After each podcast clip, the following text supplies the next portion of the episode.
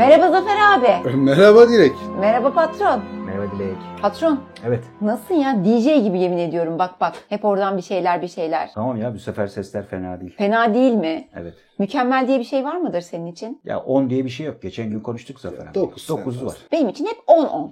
Yok bizde 9. Barış Manço 10 10 10. Evet 10 puan 10 puan 10 puan. Abi Jeff Bezos şeydeymiş Bodrum'daymış. Cem de geçen hafta Bodrum'daydı geçen hafta sonu. Acaba dedim böyle bir Görüşmeye buluşma, gitmiştir. görüşme. Görüşmeye Ya, gitmiştik bir şey patron. değil. Ama gizli tutarlar onu büyük işte. Ne yaptın kıyıdan yüzerek mi gittin gemiye? şey yaptım ya gel buradan boy verelim.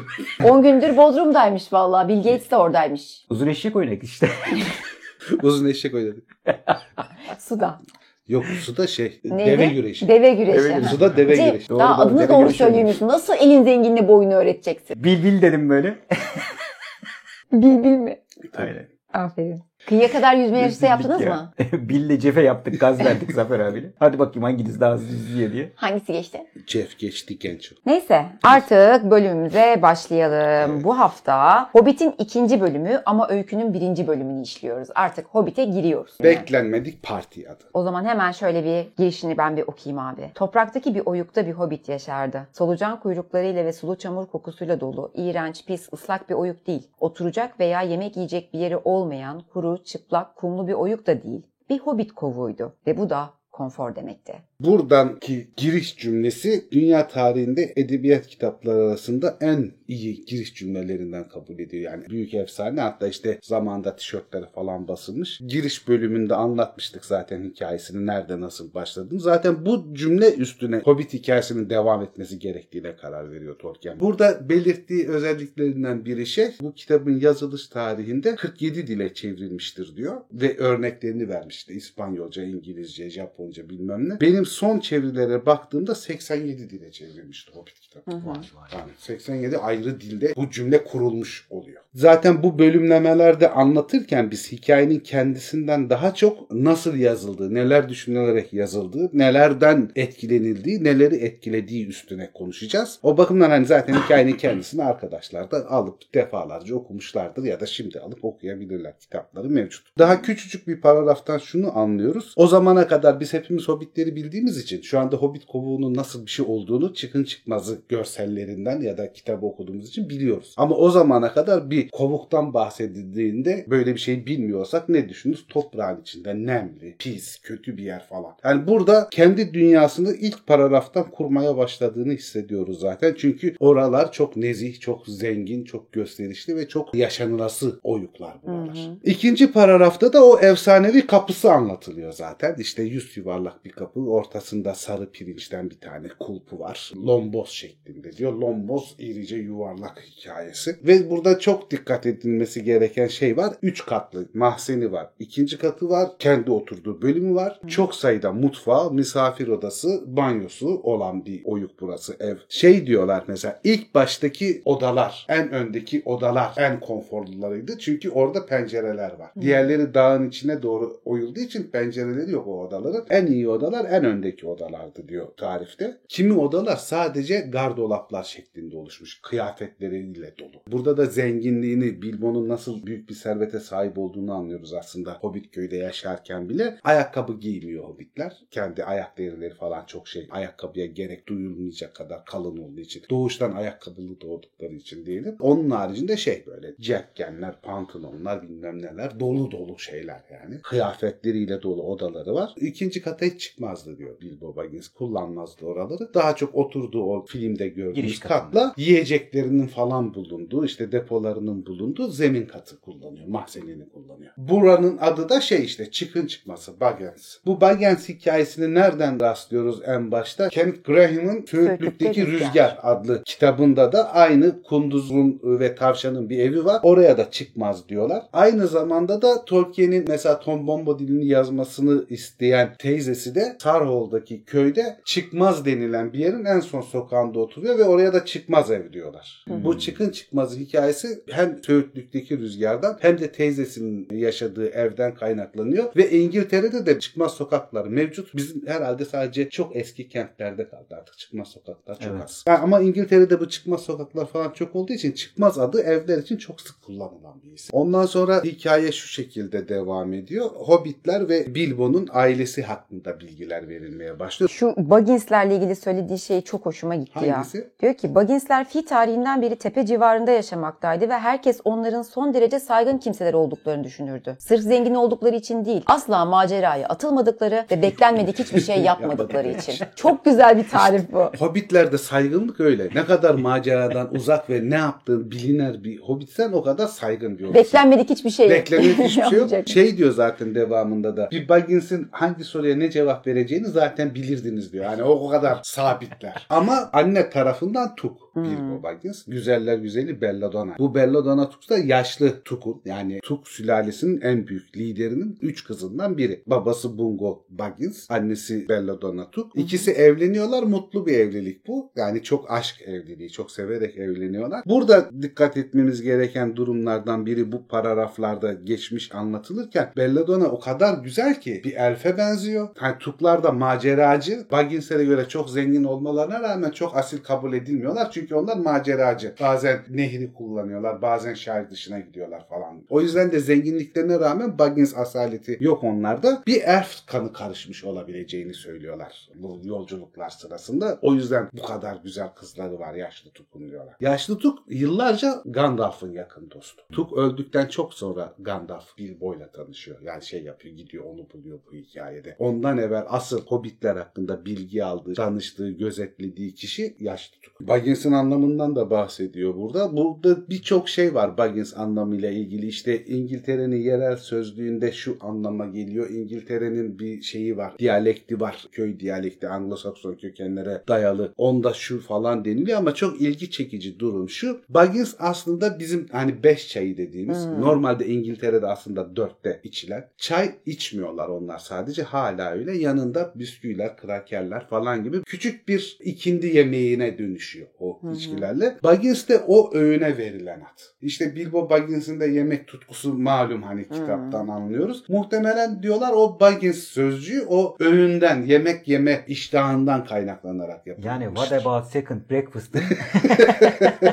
Aynen buradan geliyor yani. O işte buradaki notlara baktığımız zaman üçüncü not dipnota baktığımız zaman İngilizlerin kendi dillerini ne kadar detaylı araştırdıkları sadece akademik seviyede değil yerel köylerin bile kafası çalışan bu işe meraklı olan kişilerin yerel dil sözlükleri hazırladığını falan görüyoruz. Yani inanılmaz bir şekilde dillerine sahip çıkıyor İngilizler. Bu konuda da defalarca film bile çektiler Tabii, zaten. film de çekiyorlar, Bu çalışmaları sözlük anlatan filmler. Bizde Fransızlar çok şey yapılır sözlük konusundan. Meydan Darus efsanesinden dolayı. Ama yani Anglo-Saksonlar kadar dile önem veren başka bir şey yok aslında. ırk yok. Ki günümüzde İngilizce bütün İngilizce. dünyanın Ortak, dil, dili Esperanto olarak- gibi bir şey oldu neredeyse yani. Tamam. Yani bir kere ama kesinlikle bilimsel dil. Kendimize komşu olan herhangi bir ülkenin vatandaşıyla anlaşmak için İngilizce, İngilizce yeterli oluyor. Bayan Bungo Baggins yani Belladonna Tuk şeyle evlendikten sonra nehirin öte tarafında Tuk ailesi kalıyor. Büyük konakta kalıyorlar. Orada efsanevi bir hobbit konağı tabii yani yaşlı Tuk'un konağı. Ona hediye olsun diye çıkın çıkmazını yaptırıyor. Bungo Baggins eşine hediye olarak yaptırıyor. Burada çok hınzırca bir ifade var. Diyor ki parasının çoğunu aslında hanım tarafı ödemişti ama hediyeyi Baggins verdi. Ve Baggins'in yaptırdığını kabul etme nedenleri de halkın genelde burası Baggins'in evi deme nedenleri de işte Baggins'lerin çok sakin, hiçbir şeyi değiştirmeyen, maceraya atılmayan olmaları Tuklara biraz deli, çılgın gözüyle bakılıyor. O bakımdan da yani bu bu kadar güzel bir yeri yaptırsa yaptırsa Baggins yaptırır diye babasına şey yapılıyor. Babasından kalıyor çıkın çıkmazı Bilbo'ya. Bilbo da yani bu maceraya başlayana kadar tam bir Baggins gibi yaşıyor. Yani her şeyi belli. Hiçbir değişikliği yok. Asla şairden dışarı çıkmıyor. Neye ne diyeceği belli. Ve ev tarifinde mesela kapının arkasında çok sayıda askılık olduğu söyleniyor. Buradan da anladığımız ne? Bilbo evinde yemekli partiler düzenlemeyi, kalabalığı seviyor. Bütün hobbitler gibi. O yüzden de evinin şeyi böyle askılarla falan dön. Herkes pelerin ve şapka taşıdığı için o dönemlerde. Bilbo'nun aynı zamanda bekar olduğunu da öğreniyoruz. Hiç evlenmemiş olduğunu da öğreniyoruz. Bunun kişisel bir tercih olduğu kesin. Çünkü zaten çok varlıklı, eli yüzü düzgün bir hobbit istese bir kadınla evlenebilirdi. Biraz alemci ama o Alemci Aşikar. içmeyi, yemeyi çok seviyor. Şeyi çok seviyor. O özellikle belirtilmiş. Renkli cepkenler falan giymeyi çok seviyor. Renkli kıyafetler giymeyi seviyor. Tolkien o yüzden kendini çok hobbit hisseder. Çünkü Tolkien de böyle renkli şeyler giymeyi seviyor. Zaten bir İngiliz yeşili diye bir şey vardır. Hani kadifesiydi, dokuma kumaşıydı. Onun içine kırmızı, turuncu, Hmm. sarı yelekler. İlk parası olduğunda, kitaplardan ilk parası olduğunda gidip kendine böyle 3 tane 4 tane rengarenk yelek alıyor. Yelek mi? Hemen yani o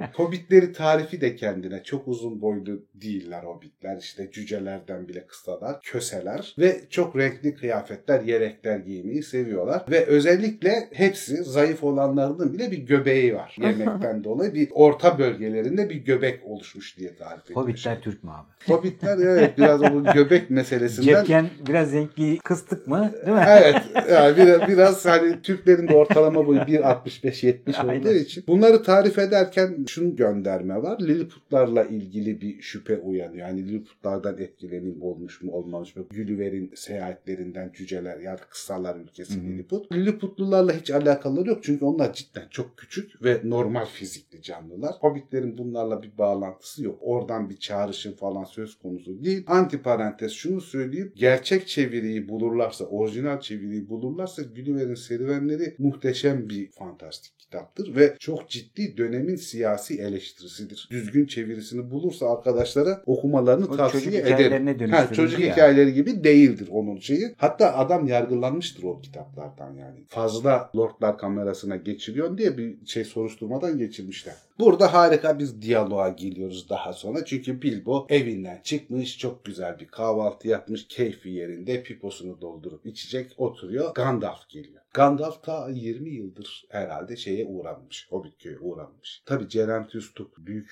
Tuk'un ölümünden sonra hiç gelmemiş. 20 yıl mı, 30 yıl mı ne geçmiş arada. Bunlar çocukluklarından Gandalf'ı tanıyorlar ama şu anda Bilbo ilk gördüğünde böyle çok gezgin bir adam gibi falan görüyor. Dikkatli etmiyor. O yüzden Gandalf'ı kafadan tanımıyor hemen. Selamlaşıyorlar. O diyalogları çok yani günaydın, günaydın. Sen niye günaydın dedin? Sen ne çok aynı kelimeleri kullanıyorsun. Sen günün aydın olması için mi günaydın dedin? Yoksa gün zaten aydındı da onu belirtmek için mi dedin diye Gandalf'la şeyleri var. Bilbo gitgide tedirgin olmaya başlıyor Gandalf sıkıştırdıkça. Daha sonra Gandalf şey diyor. Sen diyor beni tanımıyorsun bile. Benim hakkımda nasıl böyle yargılara varıyorsun? Gel otur diyor. Yani uzlaşma sağlayalım diye Bilbo. Aman huzursuzluk çıkmasın. Güney dirhem tütünüm var diyor. Beraber pipo içelim hı. buyur falan. Gandalf da diyor ki sen beni tanımadın da diyor. Ben seni biliyorum diyor. Sen yaşlı Tuk'un torunusun. Ben de diyor Gandalf'ım bilmiyor musun diyor. O sırada bir Tuk damarı atıyor. Evet diyor işte büyük havai fişek gösterileri yapan ve bulaştığın her yerde de birilerini şairin dışına çıkartıp maceralara derken şey diyor. Garip garip davranışlara sebep olan biriydin diyor. Gene Baggins'e dönüyor yani.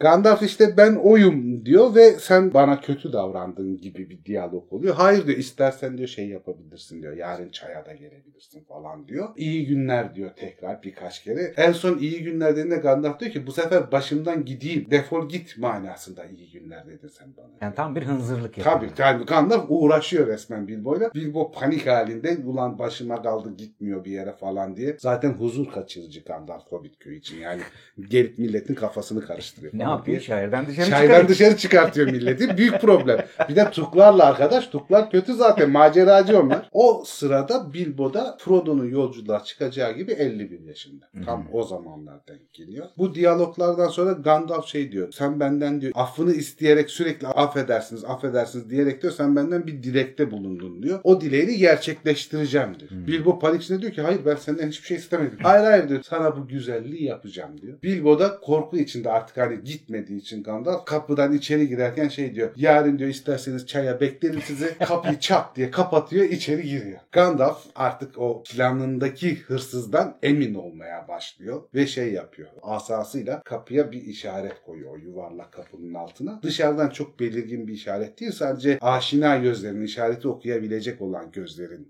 bir işareti o. İşte onun da şeyi var küçük bir un ama uzun bir hikayesi var. Balin onu anlatıyor daha ileride ne demektir falan diye. Bu şeyden sonra da Bilbo not defterine almadığı bu tür davetleri falan genelde unuturdu diyorlar. Bir süre sonra da Hobbit rahatlığıyla zaten kapıyı kapattıktan sonra biraz zaman geçtim. İşte kekiydi, böreğiydi bilmem neydi yerken rahatlamış ve unutmuş oluyor. Güzel bir uyku çekiyor. Ondan sonra sabah kahvaltı için kalktığında zaten not almadığı için Gandalf'ın çaya davetini unutmuş durumda. Birden kapı çalınca aklına geliyor. Panik içinde hemen kahve demliyor. Kilerden kekler çıkartıyor bilmem ne falan. Geldim geldim diye hani Gandalf geldi tüh diyor ama misafire kötü davranma diye bir şey söz konusu değil Hobbit'lerde. Zaten kendi de davet etmiş hani halt ettim ama e, davet ettim artık diyor. Kapıyı açıyor. Gelen Gandalf değil. Altın kemerine sıkıştırdığı mavi bir sakalı ve koyu yeşil başlığının altında çok parlak gözleri olan bir cüceydi. Bu cüce Dval.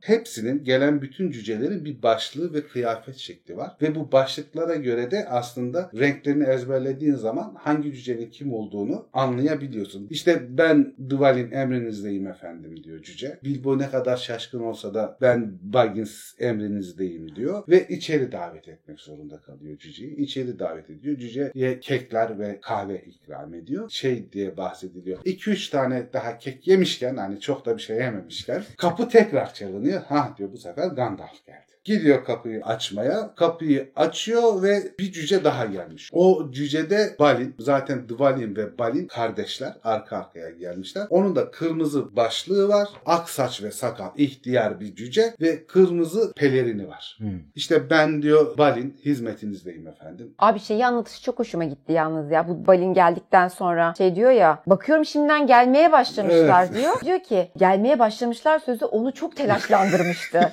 Keklerin az gelebileceğine dair korkunç bir düşüncesi vardı bu sırada. Şey diyor sonra kendisinin de keksiz kalması gerekebilirdi. Yani büyük sıkıntı. Ne keksiz mi kalacaklar? Ona diyor çay içmek ister misiniz diyor. Balin bira istiyor. Siyah bira istiyor. Ale mi oluyor daha? Ale oluyor. Hmm. Siyah biranın özelliği çok soğuk tüketilmese de içilebilen ve normalde alkol oranı %5'ten daha yüksek oluşu. İngiltere'de özellikle seviliyor. Şey kırsal kesimde çok sevilen bir bira. Bilbo şaşırıyor tabii. Ulan bu cücelerle hani benim bir muhataplığım yok şeyim yok. Ne Hele ki şair gibi bir Şair yerde. gibi bir yerde cüceler geliyor durmadan ki hani şaire çok dışarıdan gelen kimse yok zaten. Hani yoldan gelip geçerken görüyorlardır en fazla cüceleri yani. O da biraz köyün dışına çıkanlar. Köprü başına falan gidenler. Ve şey yemek de istiyorlar. Ya çok rahatlar yani bu cüceler geliyorlar ve çok rahatlar işte ben şunu isterim bunu isterim falan muhabbeti var yani. Kapı tekrar çalınıyor. Bu sefer Gandalf'tır diye gidiyor. Kapıyı bir açıyor. iki tane cüce var. Onlar hemen şapkalarını çıkartıp selamlıyorlar yerlere kadar eğilip Kili ve Fili olduklarını söylüyorlar. Bunlar kardeş cüceler zaten. O diyorlar Dvalin'le Balin de gelmiş yaşasın işte toplanıyoruz. Bunların mavi başlıkları var ikisinin de kardeş oldukları için. Aynı soydan aynı aileden oldukları için. Yani koyu yeşil geldi, kırmızı geldi, Geldi. iki mavi başlık geldi. İki mavi başlık geldi. Tam oturuyorlar artık Bilbo şaşkın durumda. Masaya da oturamıyor. Yani böyle kenara ilişmiş falan. Ne oluyor lan? Kimler geliyor, kimler gidiyor falan diye bir tedirginliği var. Bir daha zil çalıyor. Gene mi cüce geldi diyor Bilbo. Kili fili diyor ki bir değil diyor. Beş Cüce. cüce var. Zaten arkamızdan geliyorlardı diyor. Bilbo korka korka kapıyı bir açıyor. Hakikaten Dori, Nori, Ori, Oin ve Gloin. Beş cüce birden gelmiş. İkisi mor başlık, biri gri başlık, biri kahverengi başlık ve bir tane de beyaz başlıktan oluşuyor Hmm. bunların şeyleri. Onlar da selam veriyorlar. Kimileri bira istiyor, kimileri kek istiyor, kimileri turta istiyor bilmem ne Hı. falan. Hani gayet kendileri bir hana gelmişler de para karşılığı kalacaklarmış, müşteriymiş gibi davranıyor. Onu da getirin, bunu da getirin bilmem ne diye. Bilbo da şey yapmıyor yani bu misafirperverlik bunu gerektirir diye. Onun en büyük korkusu Diney'in de dediği gibi ya bunlar bu kadar çok yerse yarın benim yiyecek bir şeyim eksilirse korkusundan bayağı rahatsız. Ama misafire kapı her zaman açık. Tabii misafire kapı her zaman açık. Çay koyuyor büyük bir çaydanlıkta. Kahve demliyor daha büyük bir çaydanlıkta. Kilerine iniyor. Biraz işte keklerden, tuzlu tatlı keklerden, krakerlerden falan şey yapıyor. Yani bir Baggins sunumu yapıyor. Bir bagis sunumu yapıyor. Yiyecekler falan getiriyor. Ondan sonra kapı sertçe yumruklanarak çalınmaya başlıyor. Bilbo biraz hiddetleniyor artık. Hani bu da çok fazla falan diye böyle hızla gidiyor. Kapıyı aniden açınca önde Thorin meşe kalkan var. Kapıya yaslanmış diğer cücelerle beraber Bofur var, Bombur var, Bifur var. Üçü Thorin'in üstüne devriyorlar kapı açılınca. Thorin altta kalıyor. Zaten Bombur'la Bofur bayağı kilolu cüceler yani. Bu biraz üstü başı dağılmış bir şekilde altlarından kalkıyor. Bir de Thorin bambaşka bir asalete sahip. Kral cüce falan olduğu için çok mahcup oluyor. Bu sefer Bilbo da utanıyor. Hani kapıyı çok hani hızlıca açtım. Nezaketsizlik Üst nezaketsizlik yaptım. Özür diliyor Torin'den. Affedersiniz ben kabalık ettim bilmem ne falan. Torin olayı kapatmak için şey diyor. Önemli değil önemli değil diyor ama yani şapka falan eğilmiş. Bofur'un açık yeşil başlığı var. Bifur bombi sarı pelerinleri var onların. Torin'in de gümüşten püsküllü bir kemeri ve gök mavisi bir başlığı var. Onun mavisi diğerlerinden daha farklı. Tabi Gandalf da arkalarından geliyor. Artık diyor hepimiz buradayız. Kafile tamamlandı. Çay alır mısınız diyor Bilbo. Gandalf diyor ki ben bir kırmızı şarap alayım çay istemiyorum diyor. Thorin de ben de kırmızı şarap alayım çay istemiyorum kahve istemiyorum diyor. Onlara kırmızı şaraplarını getiriyor şey Bilbo. Diğerleri tavuk istiyorlar, et istiyorlar, börek istiyorlar, tatlı istiyorlar falan. Kahveleri dolduruyor bilmem ne. Bunlar büyük bir gürültü içinde kendi aralarında çok rahat bir muhabbet yapıyorlar. Artık Bilbo temelli kontrolü kaybettiği için gidiyor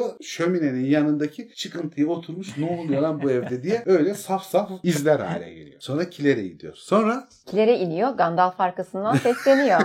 Biraz diyor tavukla diyor turşu da çıkar. turşu da çıkar diyor. Yağ mı abi diyor. bunun adı? Hayır Aynen. diyor ki nereden biliyor bu adam benim kilerimde ne olduğunu diye de kullanıyor.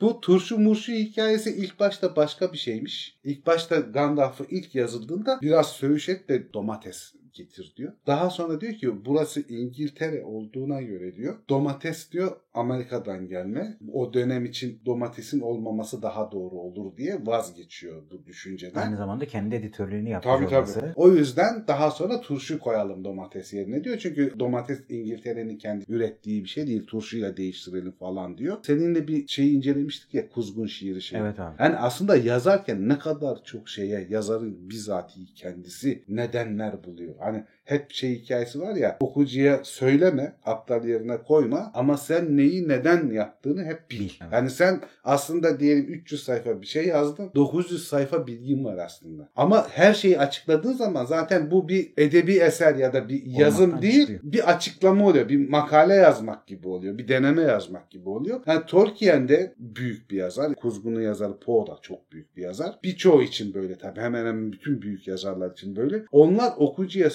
söyledikleri bütün altyapısını ve arkasını görüyorlar ve bunun neden böyle olduğunu biliyorlar. Neyi çıkartıp neyi ekleyeceklerini biliyorlar. Mesela şey hikayesi de var. Bu bisküviler getiriyor. Bisküviler küçük, ince ve genellikle gevrek ünlü mamullerdir İngiltere'de. Tatlı olmayan bisküvilerse kraker denir diyor. Yani Hmm. İngiltere'de bunu da anlatıyor. Yani neye bisküvi denir, neye kraker denir. Bir de şeydi bu bisküvi hikayesi İngiltere'de falan o bölgede yani çok geleneksel bir şey. Yani kimi aileler holdingleşmeden yani böyle çok büyük satıcılar değil de kendi bölgelerinde günümüzde de bir aile var bisküvicü o aile. Evet, bisküvi. Belki 500 yıldır o aile bisküvi üretiyor bölgeye. Onun bisküvileri yeniliyor falan. İngiltere'yi tarif eden işlerden birisi. Gandalf masanın baş köşesinde diğer 13. çevrelerinde onun yanında da Thorin oturuyorlar. Yiyorlar, içiyorlar, konuşuyorlar ejderhalardan, altınlardan, hırsızlıktan bilmem neden. Bir labarba gidiyor Gandalf'ın muhabbete dahil olmasıyla beraber. Ama çok ciddi bir konuşma yok. Hiçbiri de Bilbo'ya hani dönüp de hacı biz senin evine geldik. Şu yüzden geldik. Böyle oldu falan. Hiçbir şey yok yani. Ve Bilbo etrafında çok dağınık olmasına falan da iyice sinirleniyor. Yani her yer her yere girmiş durumda. Ev korkunç durumda. Şeyden de korkuyor. Acaba yatmaya mı geldiler gidecekler mi onu da bilmiyor. Yatmaya gelirlerse kimi nereye yatıracağım planları falan yapıyor. Daha akşam yemeği var Tamam, bir de. tamam. Akşam yemeği var. Bunlar bu kadar yiyor. Bir de akşam yemeği Aynen. yapacağız. Tabii ara Tabii. Bu ara kahvaltı bu. Kahvaltı. İkindi kahvaltısı. Daha sonra da şey oluyor. Bilbo bir şeyler almaya gittiği zaman söylenmeye başlıyor. Sipariş veriyorlar resmen. Şunu şunu şunu şunu getir. Bilbo mahzene giderken diyor ki kimse de gelip yardım etmiyor. Büyük kabalık ama değil mi şimdi o? büyük kabalık. Arkadan iki cüce beliri veriyor ve onlar gelip direkt yardım ediyorlar ama onların duyduklarını biliyor Bilbo. O yüzden de temelli mahcup oluyor, utanıyor bu durumda. Ama cüceler becerikliler yani. Hemen şey yapabiliyorlar. Servisini dağıtmasını bilmem nesini falan hallediyorlar. Ve şey diyor ben hallederim lütfen bırakın falan diyor utancından ama artık iş işten geçmiş. Bir kabalık etmiş durumda. Bu sefer de o filmde gördüğümüz harika esprili şarkıya başlıyorlar. Baggins'in tedirginliğini fark edince ulan ev dağılıyor bilmem ne falan diye. İşte kırın bardakları, çatlatın tabakları, bükün bıçakları ve eğin çatalları nefret eder Bilbo Baggins bundan. Kırıp şişeleri, mantarları yakmanızdan diye. Ona başlıyorlar. Bu iyice korkuya kapılıyor tabii yani ulan evimi mahvedecekler falan diye. Bir şey de diyemiyor misafir şey yapmak için. Bu yeme içme faslı bilmem ne falan bittikten sonra toplanması gerekiyor. Zahmet etmeyin ben toplarım diyor. Çünkü şeylerin kırıp döküleceğini düşünüyor cücelerin. Thorin ise şey diyor yardım edin diyor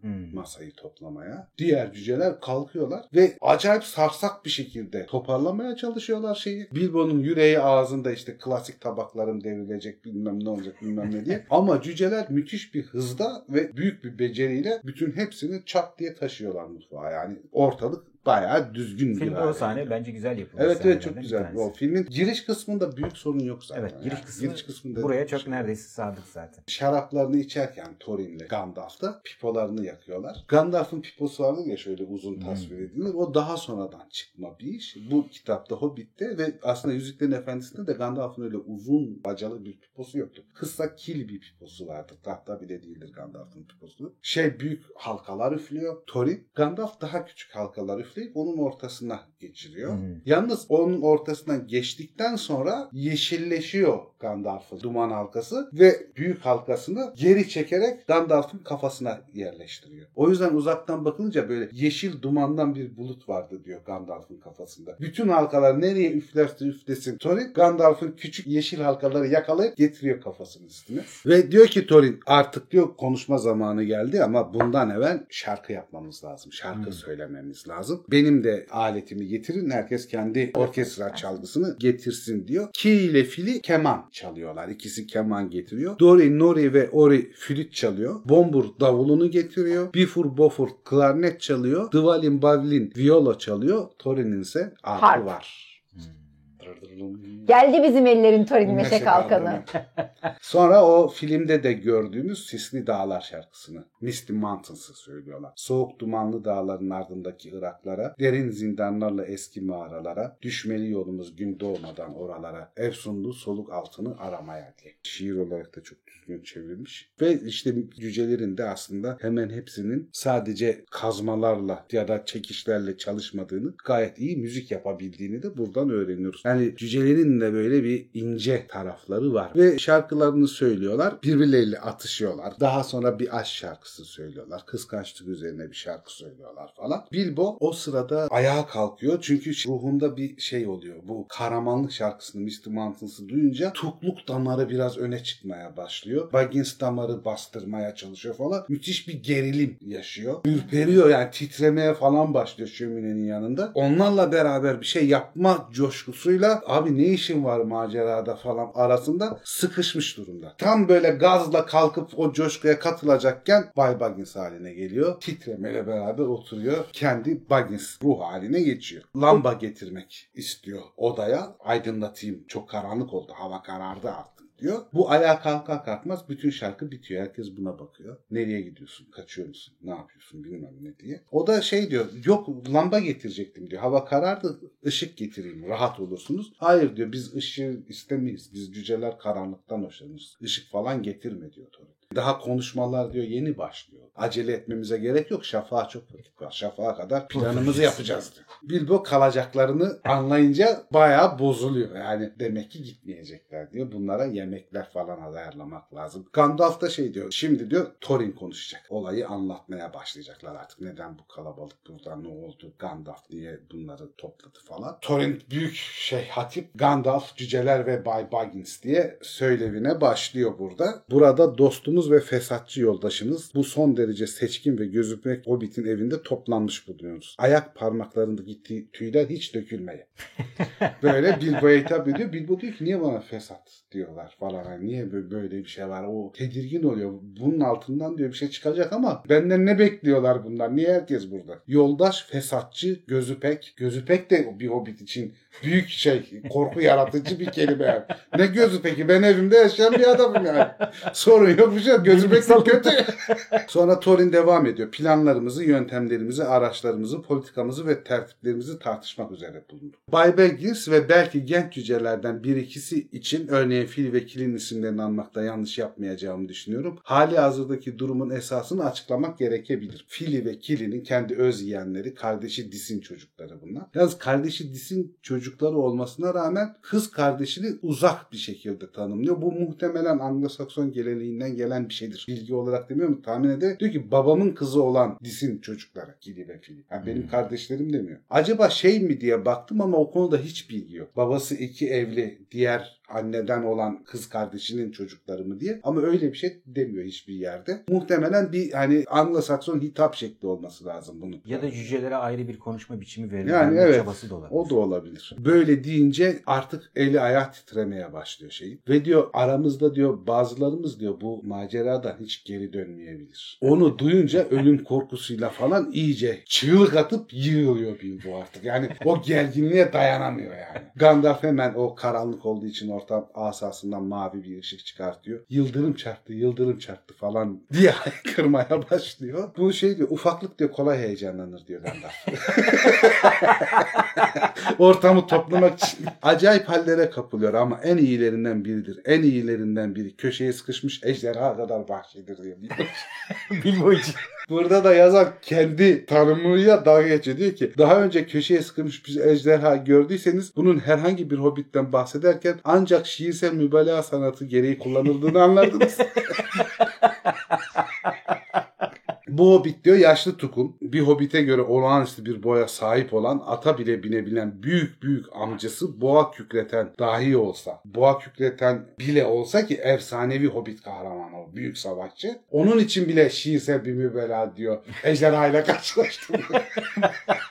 Burada şeyi buluyoruz yalnız bu boğa kükreten Tulkun Gram Dağı'nda goblinlerde savaşırken Golfin Bulun yani ork reisinin bir sopa darbesiyle kafasını koparıp o da böyle tavşan deliğine gidiyor giriyor. Orada işte golf oyunu Golf bulunuyor. oyunu bulunuyor İşte golf mi? oyunu bulunduğu yerde daha önce bahsetmiştik burası. Golfin icadı aynı anda gerçekleşmişti diyor.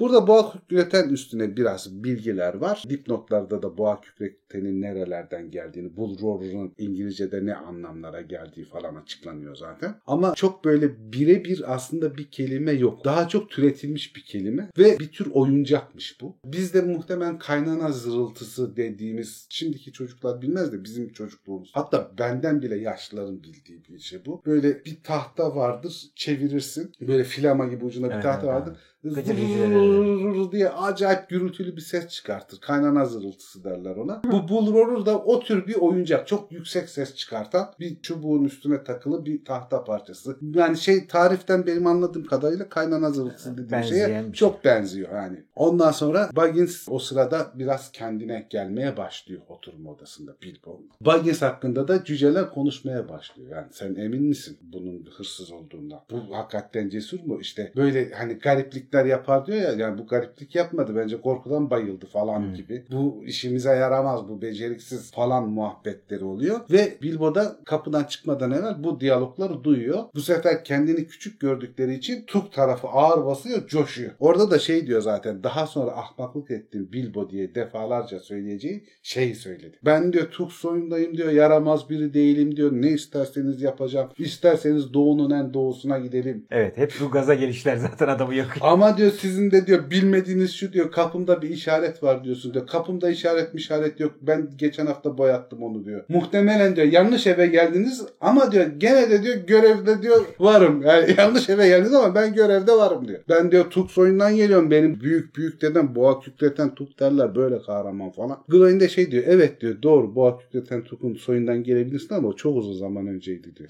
Sen de o şeyi göremedik. ben diyor senden bahsetmiyorum ve seni temin ederim bu kapıda bir işaret var. Meslekte hep kullanılan meslekte dediği bu hırsızlık çalma çalma Genellikle hırsız iyi bir iş, bolca heyecan ve makul ödül aranıyor diye bir anlama gelir diyor bu işaret. Ama diyor sen diyor istersen hırsız lafından rahatsız oluyorsan diyor bizim için fark etmez. Sen uzman hazine avcısı da diyebilirsin. Zaten birçoğu hırsız yerine uzman hazine avcısı der diyor. Gandalf da diyor ki elbette işaret var diyor. Ben koydum. Kendi ellerimle koydum diyor. Bu doğru ev, doğru kapı diyor ve sen de diyor doğru insansın diyor. Bu hırsız olarak seni seçtim ben diyor. Çok anlamıyor yani hırsızlık, mırsızlık, Baggins. Öyle sessiz düşüyor mecbur mecburen. Sertçe bakıyor Gandalf. Gandalf'ın bakışıyla Gloin'in itirazları kesiliyor. Çünkü Gandalf'tan hepsi korkuyor. Hatta Thorin bir maceranın tehlikelerinden bahsederken Gandalf hariç belki de kimilerimiz dönemeyeceği bir macera diyor. Gandalf'ın zaten bu tehlikeli macerada öleceğini düşünmüyor. Thorin bile. O başka bir şey diyor. Ondan sonra şey diyor. Baggins'i ben seçtim diyor. Benim bulduğum en iyi hırsız bana güveniyorsanız Baggins'e de güveneceksiniz diyor. Burada da diyor tartışma bitmiştir diyor. Hırsız benim hırsızım diyor. Diğerleri Thorin dahil itiraz edemiyorlar. Kabulleniyorlar. İyi hadi diyorlar. O zaman iş konuşalım. Masanın üstü temizleniyor ve o meşhur harita açılıyor masanın Hı hı. üstüne. O haritanın ilk çizimleri diğer kitapta da öyledir. Tolkien'in kendi çizimidir. Tolkien bizzat kendisi çizmiştir. Bayağı o Erebor bölgesinin haritasını şekillendirmiş artık. Yani planını yapmış o sırada demek ki. İki harita var. Biri bu kitapta daha el çizimi gibi. Diğeri baskı için düzeltilmiş harita. Rünler kullanılmış. Cüce rünleri, kuzey rünleri kullanılmış.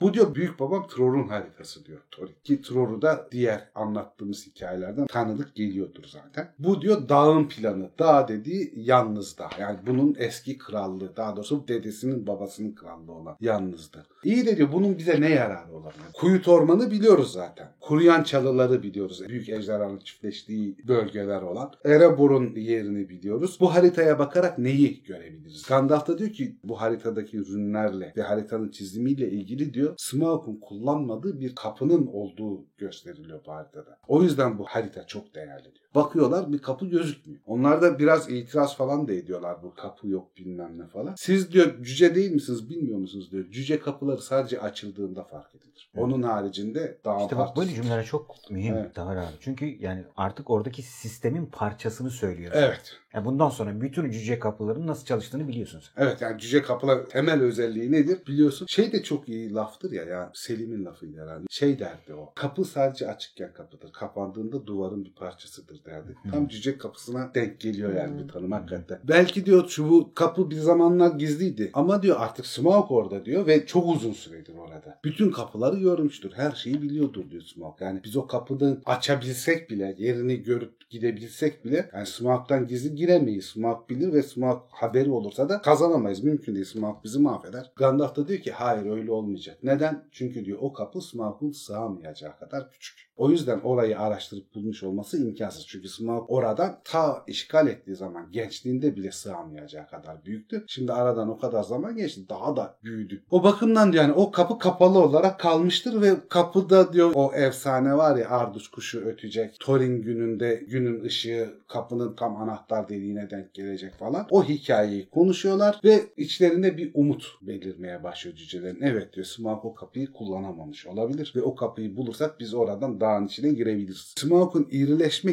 hikayesini de Yüzüklerin Efendisi'nin tersine şu şekilde açıklıyor. Hani Yüzüklerin Efendisi'nde ejderhalar çok böyle tüketim olarak ne yaptıklarına falan çok bahsedilmez. Daha bir mistik canlılardır. Yani ne yer ne içerler belli değildir falan. E diyor yani artık iyice büyüdü çünkü değil kasabasından o kadar kişi yedi. Kimse kalmadı kasabada. Sürekli beslendi falan. İnsanları yediğini ve özellikle genç kız etini sevdiği, genç kızları yakalayarak yediğini, değil kasabasının tamamen o baskılardan dolayı boşaldığını, artık insanların o kasabada, dağın çevresindeki yerde kalmadığını öğrenmiş oluyoruz bu şekilde. Peki diyor bu kapıyı görsek bile nasıl olacak? Gandalf o zaman cebinden anahtarı çıkartıyor. Bu anahtarla diyor. Bu diyor senin babanın anahtarı Thorin'e. Kapıyı açacak olan anahtar da bu anahtar. Aslında her şeyi ayarlamış. Her şeyi ayarlamış Gandalf. Bütün planı yapmış. Bilbo da konuşmaya başlıyor ufaktan. Diyor ki işte haritayı bulmuşsunuz diyor. Kapı orada şöyle yaparsınız böyle. Hiç kendisi olayın içinde değil. Thorin diyor ki bir dakika diyor hırsız sen değil misin? Kapıyı da sen bulacaksın. içeri de sen gireceksin. Yandım anam kedisi başlıyor. Bu senin işin diyor. Bizle alakalı bir durum değil. Bilbo ikinci kez bir de daha önceden de düşünmüştü. Diyor ki ben diyor gideyim diyor bir yere saklanayım. Bunlar yola çıkana kadar beni bulamasınlar. Hani mahzenlerden birinde. Bunlar gittikten sonra uyanırım normal hayatıma devam ederim. Hala şeye inanamıyor yani bunlarla beraber gideceğine çünkü o coşkuda geçmiş tuk coşkusu. Şimdi normal Baggins'e dönmüş. Ejderhayla falan ne işim var? Ben şehirden dışarı çıkmamışım. Erebor'a gideceğim. Beni falan ya bir yani. tanımaz etmez. Ya tanımaz etmez yani. Bir de artistik yapıyor Bilbo tabi burada. Şimdi diyor olayları çok iyi bilmek lazım diyor. Bu dağ nerede kapı ne yana düşüyor. Altın dediğiniz ne kadar diyor. Hisse bölüşümü nasıl olacak falan diye. Yani çok uzmanmış gibi. Diyorlar ki bu kadar detayı ne yapacağım? Biz seni götüreceğiz. Olmaz diyor. Uzman bir hırsız olarak bütün altyapıyı bilmem gerekiyor. Şey diyor Thorin'de yani kaç kişi katılıyorsa hazine diyor o kadar hisseye bölünecek işte. 14'e bir pay da senin olacak. Ve diyor bu hani daha kadar bir hazine. Smaug'u öldürebilirsek ya da kaçırtabilirsek. Ama diyor hani hayati garantisi olan bir sefer değil bu. Ölebilirsin de bu işte. Ama diyor sağ kurtulanlar diyor ben dahil hepimiz eşit oranda hazineyi paylaşacağız. O da büyük servet edecek diyor. Yani o para konusunda bir sıkıntın olmayacak. E zaten Bilbo'nun para konusunda bir sıkıntısı yok hayatı boyunca. O bakımdan hani o çok da cezbedici gelmez yani işin doğrusu Bilbo'ya. Oranın hikayesini anlatmasını istiyorlar Thorin'den. Diyorlar yani nasıl oldu sen nasıl yok ölmedin baban nasıl kurtuldu Smaug'un saldırılarından. İşte o dönemde aslında dağ kasabasına yerleşmeden evvel Durin soyundan cücelerin bir kısmı Erebor'un da kuzeyine gidiyor. Kuzeyinde ejderhalar var. Ejderha cüce savaşları yapılıyor. Ejderha cüce savaşlarından sonra geri dönüşte dağa gidiyorlar. Daha çok bereketli bir dağ orası madencilik falan açısından. Dedesi Tror oradaki krallığını kuruyor ve şey o kadar zenginleşiyorlar ki çalışmalarla bilmem neler abad ediyorlar ve çevredeki yarı dolaşık insan halkları da cüceler dostça davrandıkları için o bölgede işte Değil kasabasını kuruyorlar. Tam dağın orada çevresinde. Orada insanlar, cüceler ve elflerin de dahil olduğu büyük bir zenginlik oluyor. Hatta oyuncak pazarı ya da normal pazar özellikle oyuncak pazarları o sırada orta çağdaki en zengin, en çeşitli, en bereketli pazarlar olduğu söyleniyor. Yalnız gitgide servet daha fazla birikmeye başlıyor. Hani kazanç çok artıyor. Müthiş bir ticaret merkezi oluyor orası. İnsanlar da çok zengin, elfler zengin, cüceler en zenginleri. Dağ gibi servet yiyorlar yani. Ve şey diyor bu diyor kötü yürekli bir Smaug vardı diyor ejderha. O diyor bu altının kokusunu aldı. Haberini aldı. Bir gün diyor yerlerin titrediğini hissettik. Sonra kötü bir rüzgar geldi. Sonra ateş ve duman. Hemen herkesi öldürüyor. Çok azı kurtuluyor o saldırıdan. Smaug'a karşı başarı kazanamıyorlar. Ben diyor o sırada çok gençtim. 21 yaşında falan bir cüceydim diyor. Cüce prenstim. Ve diyor bir maceradaydım. Bir avdaydım. Tam geri dönüşümde daha kente girmeden Smaug saldırdığı için diyor ben kurtuldum. Sonra diyor dedemle babam da geldi diyor. Ve bana diyor hiç anlatmadılar diyor. Nasıl kurtulduklarını bu kargaşadan. Onlar nasıl canlarını kurtardı. Demek ki diyor o kapıyı biliyorlardı ve o kapıdan kaçarak geldiler. Ve diyor biz de o kapıyı kullanarak demek ki içeri girebiliriz. Smaug'un haberi yok. Çünkü dedemle babam da kurtuldu bu o kapı sayesinde Hı hı. falan diye. Öyle bağlanıyor oradaki hikayede düzgün bir şekilde. Haritayla anahtar hakkında Gandalf'la konuşurken haritanın sahibi ve varisi ben olmama rağmen bu kadar neden geç kalındı bilmem ne muhabbeti yaparken diyor ki yani harita dedemin, anahtar babamın, bende değil sende. Bozuluyor yani benim hakkımdı diyor. Ben diyor babandan bu anahtarı aldığımda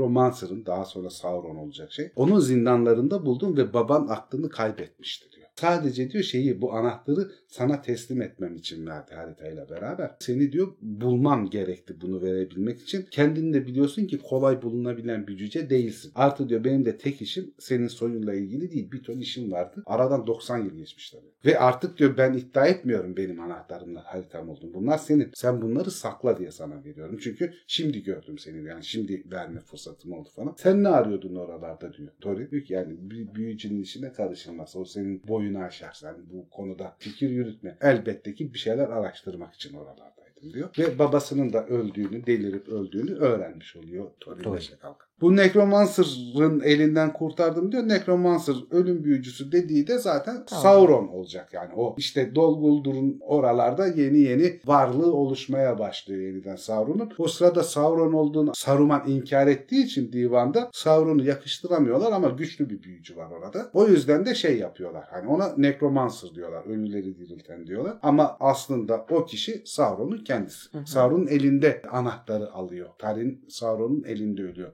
Thorin'in babası. Bu Necromancer'ın ne kadar güçlü olduğunu belirten bir diyalogda gene Thorin'le Gandalf arasında geçiyor. Diyor ki biz Moria'daki goblinleri de yok ettik diyor. Azonul Bizar'ı da kazandık diyor. Yani çok güçlü cüceleriz diyor. Gerekirse diyor ölüm büyücüsüne de ne yapacağımızı biliriz gibi bir cümle kuruyor. Gandalf da diyor ki saçmalama diyor. Yani o öyle bir güç ki yani siz sadece buradaki cüceler değil orta dünyadaki bütün cüceler birleşse bile onunla baş edemezsiniz diyor. Öyle bir gücünüz yok sizin. Siz diyor şu dağı ele geçirme görevi sizin için yeterince zor bir görev. Siz onu başarın yeterlidir diyor. Smaug'u kaçırtabilirseniz ya da öldürebilirseniz. Necromancer işi sizin boyunuzu aşan bir iş diyor. Hiçbir cüce topluluğu ya da bütün cüce toplulukların tamamı bu işi şey yapamaz. Bu sefere çıkılacağına karar veriyorlar. Şey sessiz kalıyor Bilbo. Bilbo'nun niyeti şey sabah diyor kahvaltıda ne istersiniz diyor. Thorin diyor ki ben altı yumurta isterim ama haşlama değil. Kızarmış olacak. Yalnız sarıları az pişecek. Altı da yanmamış olacak. Şu kadar salam isterim falan. 13 tane cüce 13 değişik kahvaltı söylüyorlar falan. Bilbo da çok sinirleniyor artık bu duruma. Diyor ki ha diyor siz beklersiniz kahvaltı diyor. Ben giderim uyurum diyor yatağımda. Siz gidene kadar da uyanmam. Siz gittikten sonra da kalkarım kurtulurum hikayeden. Çözüme gel. Yani çok basit bir çözümü var tabii. Yani hiç gitmeye falan niyeti yok o sırada. Hani artık temelli vazgeçmiş. Tukluk tamamen şey yapmış. Ben diyor gidip yatayım. Sabah da bunlar gidene kadar kalkmayın. Böylece de bu işten kurtulayım diyor. Ve o sırada tekrar bu Sisli Dağlar şarkısını söylemeye başlıyor cüceler. Onların sesleriyle beraber uykuya dalıyor. Ama tedirginlikten falan doğru düzgün uyku uyuyamadan sabah uyanıyor. Bir tık geç bir vakitte de olsa. Çünkü uyandığında gün çoktan doğmuştu. Evet. Ve burada Evet. bu kısım bitiyor arkadaşlar. Bir dahaki sefere yolculuk başlayacak. Yolculuk başlıyor. Tamam o zaman. Çakal Bilbo. Nasıl keyifli değil mi? Ha, güzel canım. Böylece Hobbit hikayesinin ilk bölümünü tamamlamış bulunuyoruz. Uyuyacak arkadaşlara yatmadan önce Zafer abiden masallar. Zafer Kıyak. abiden masallar. Daha doğrusu Tolkien'den masalları Zafer'in sesiyle. Başlığını da kendisi koydu. O zaman Tolkien'den masallar Zafer'in sesiyle haftaya ikinci bölümde görüşürüz. Görüşürüz. Görüşürüz.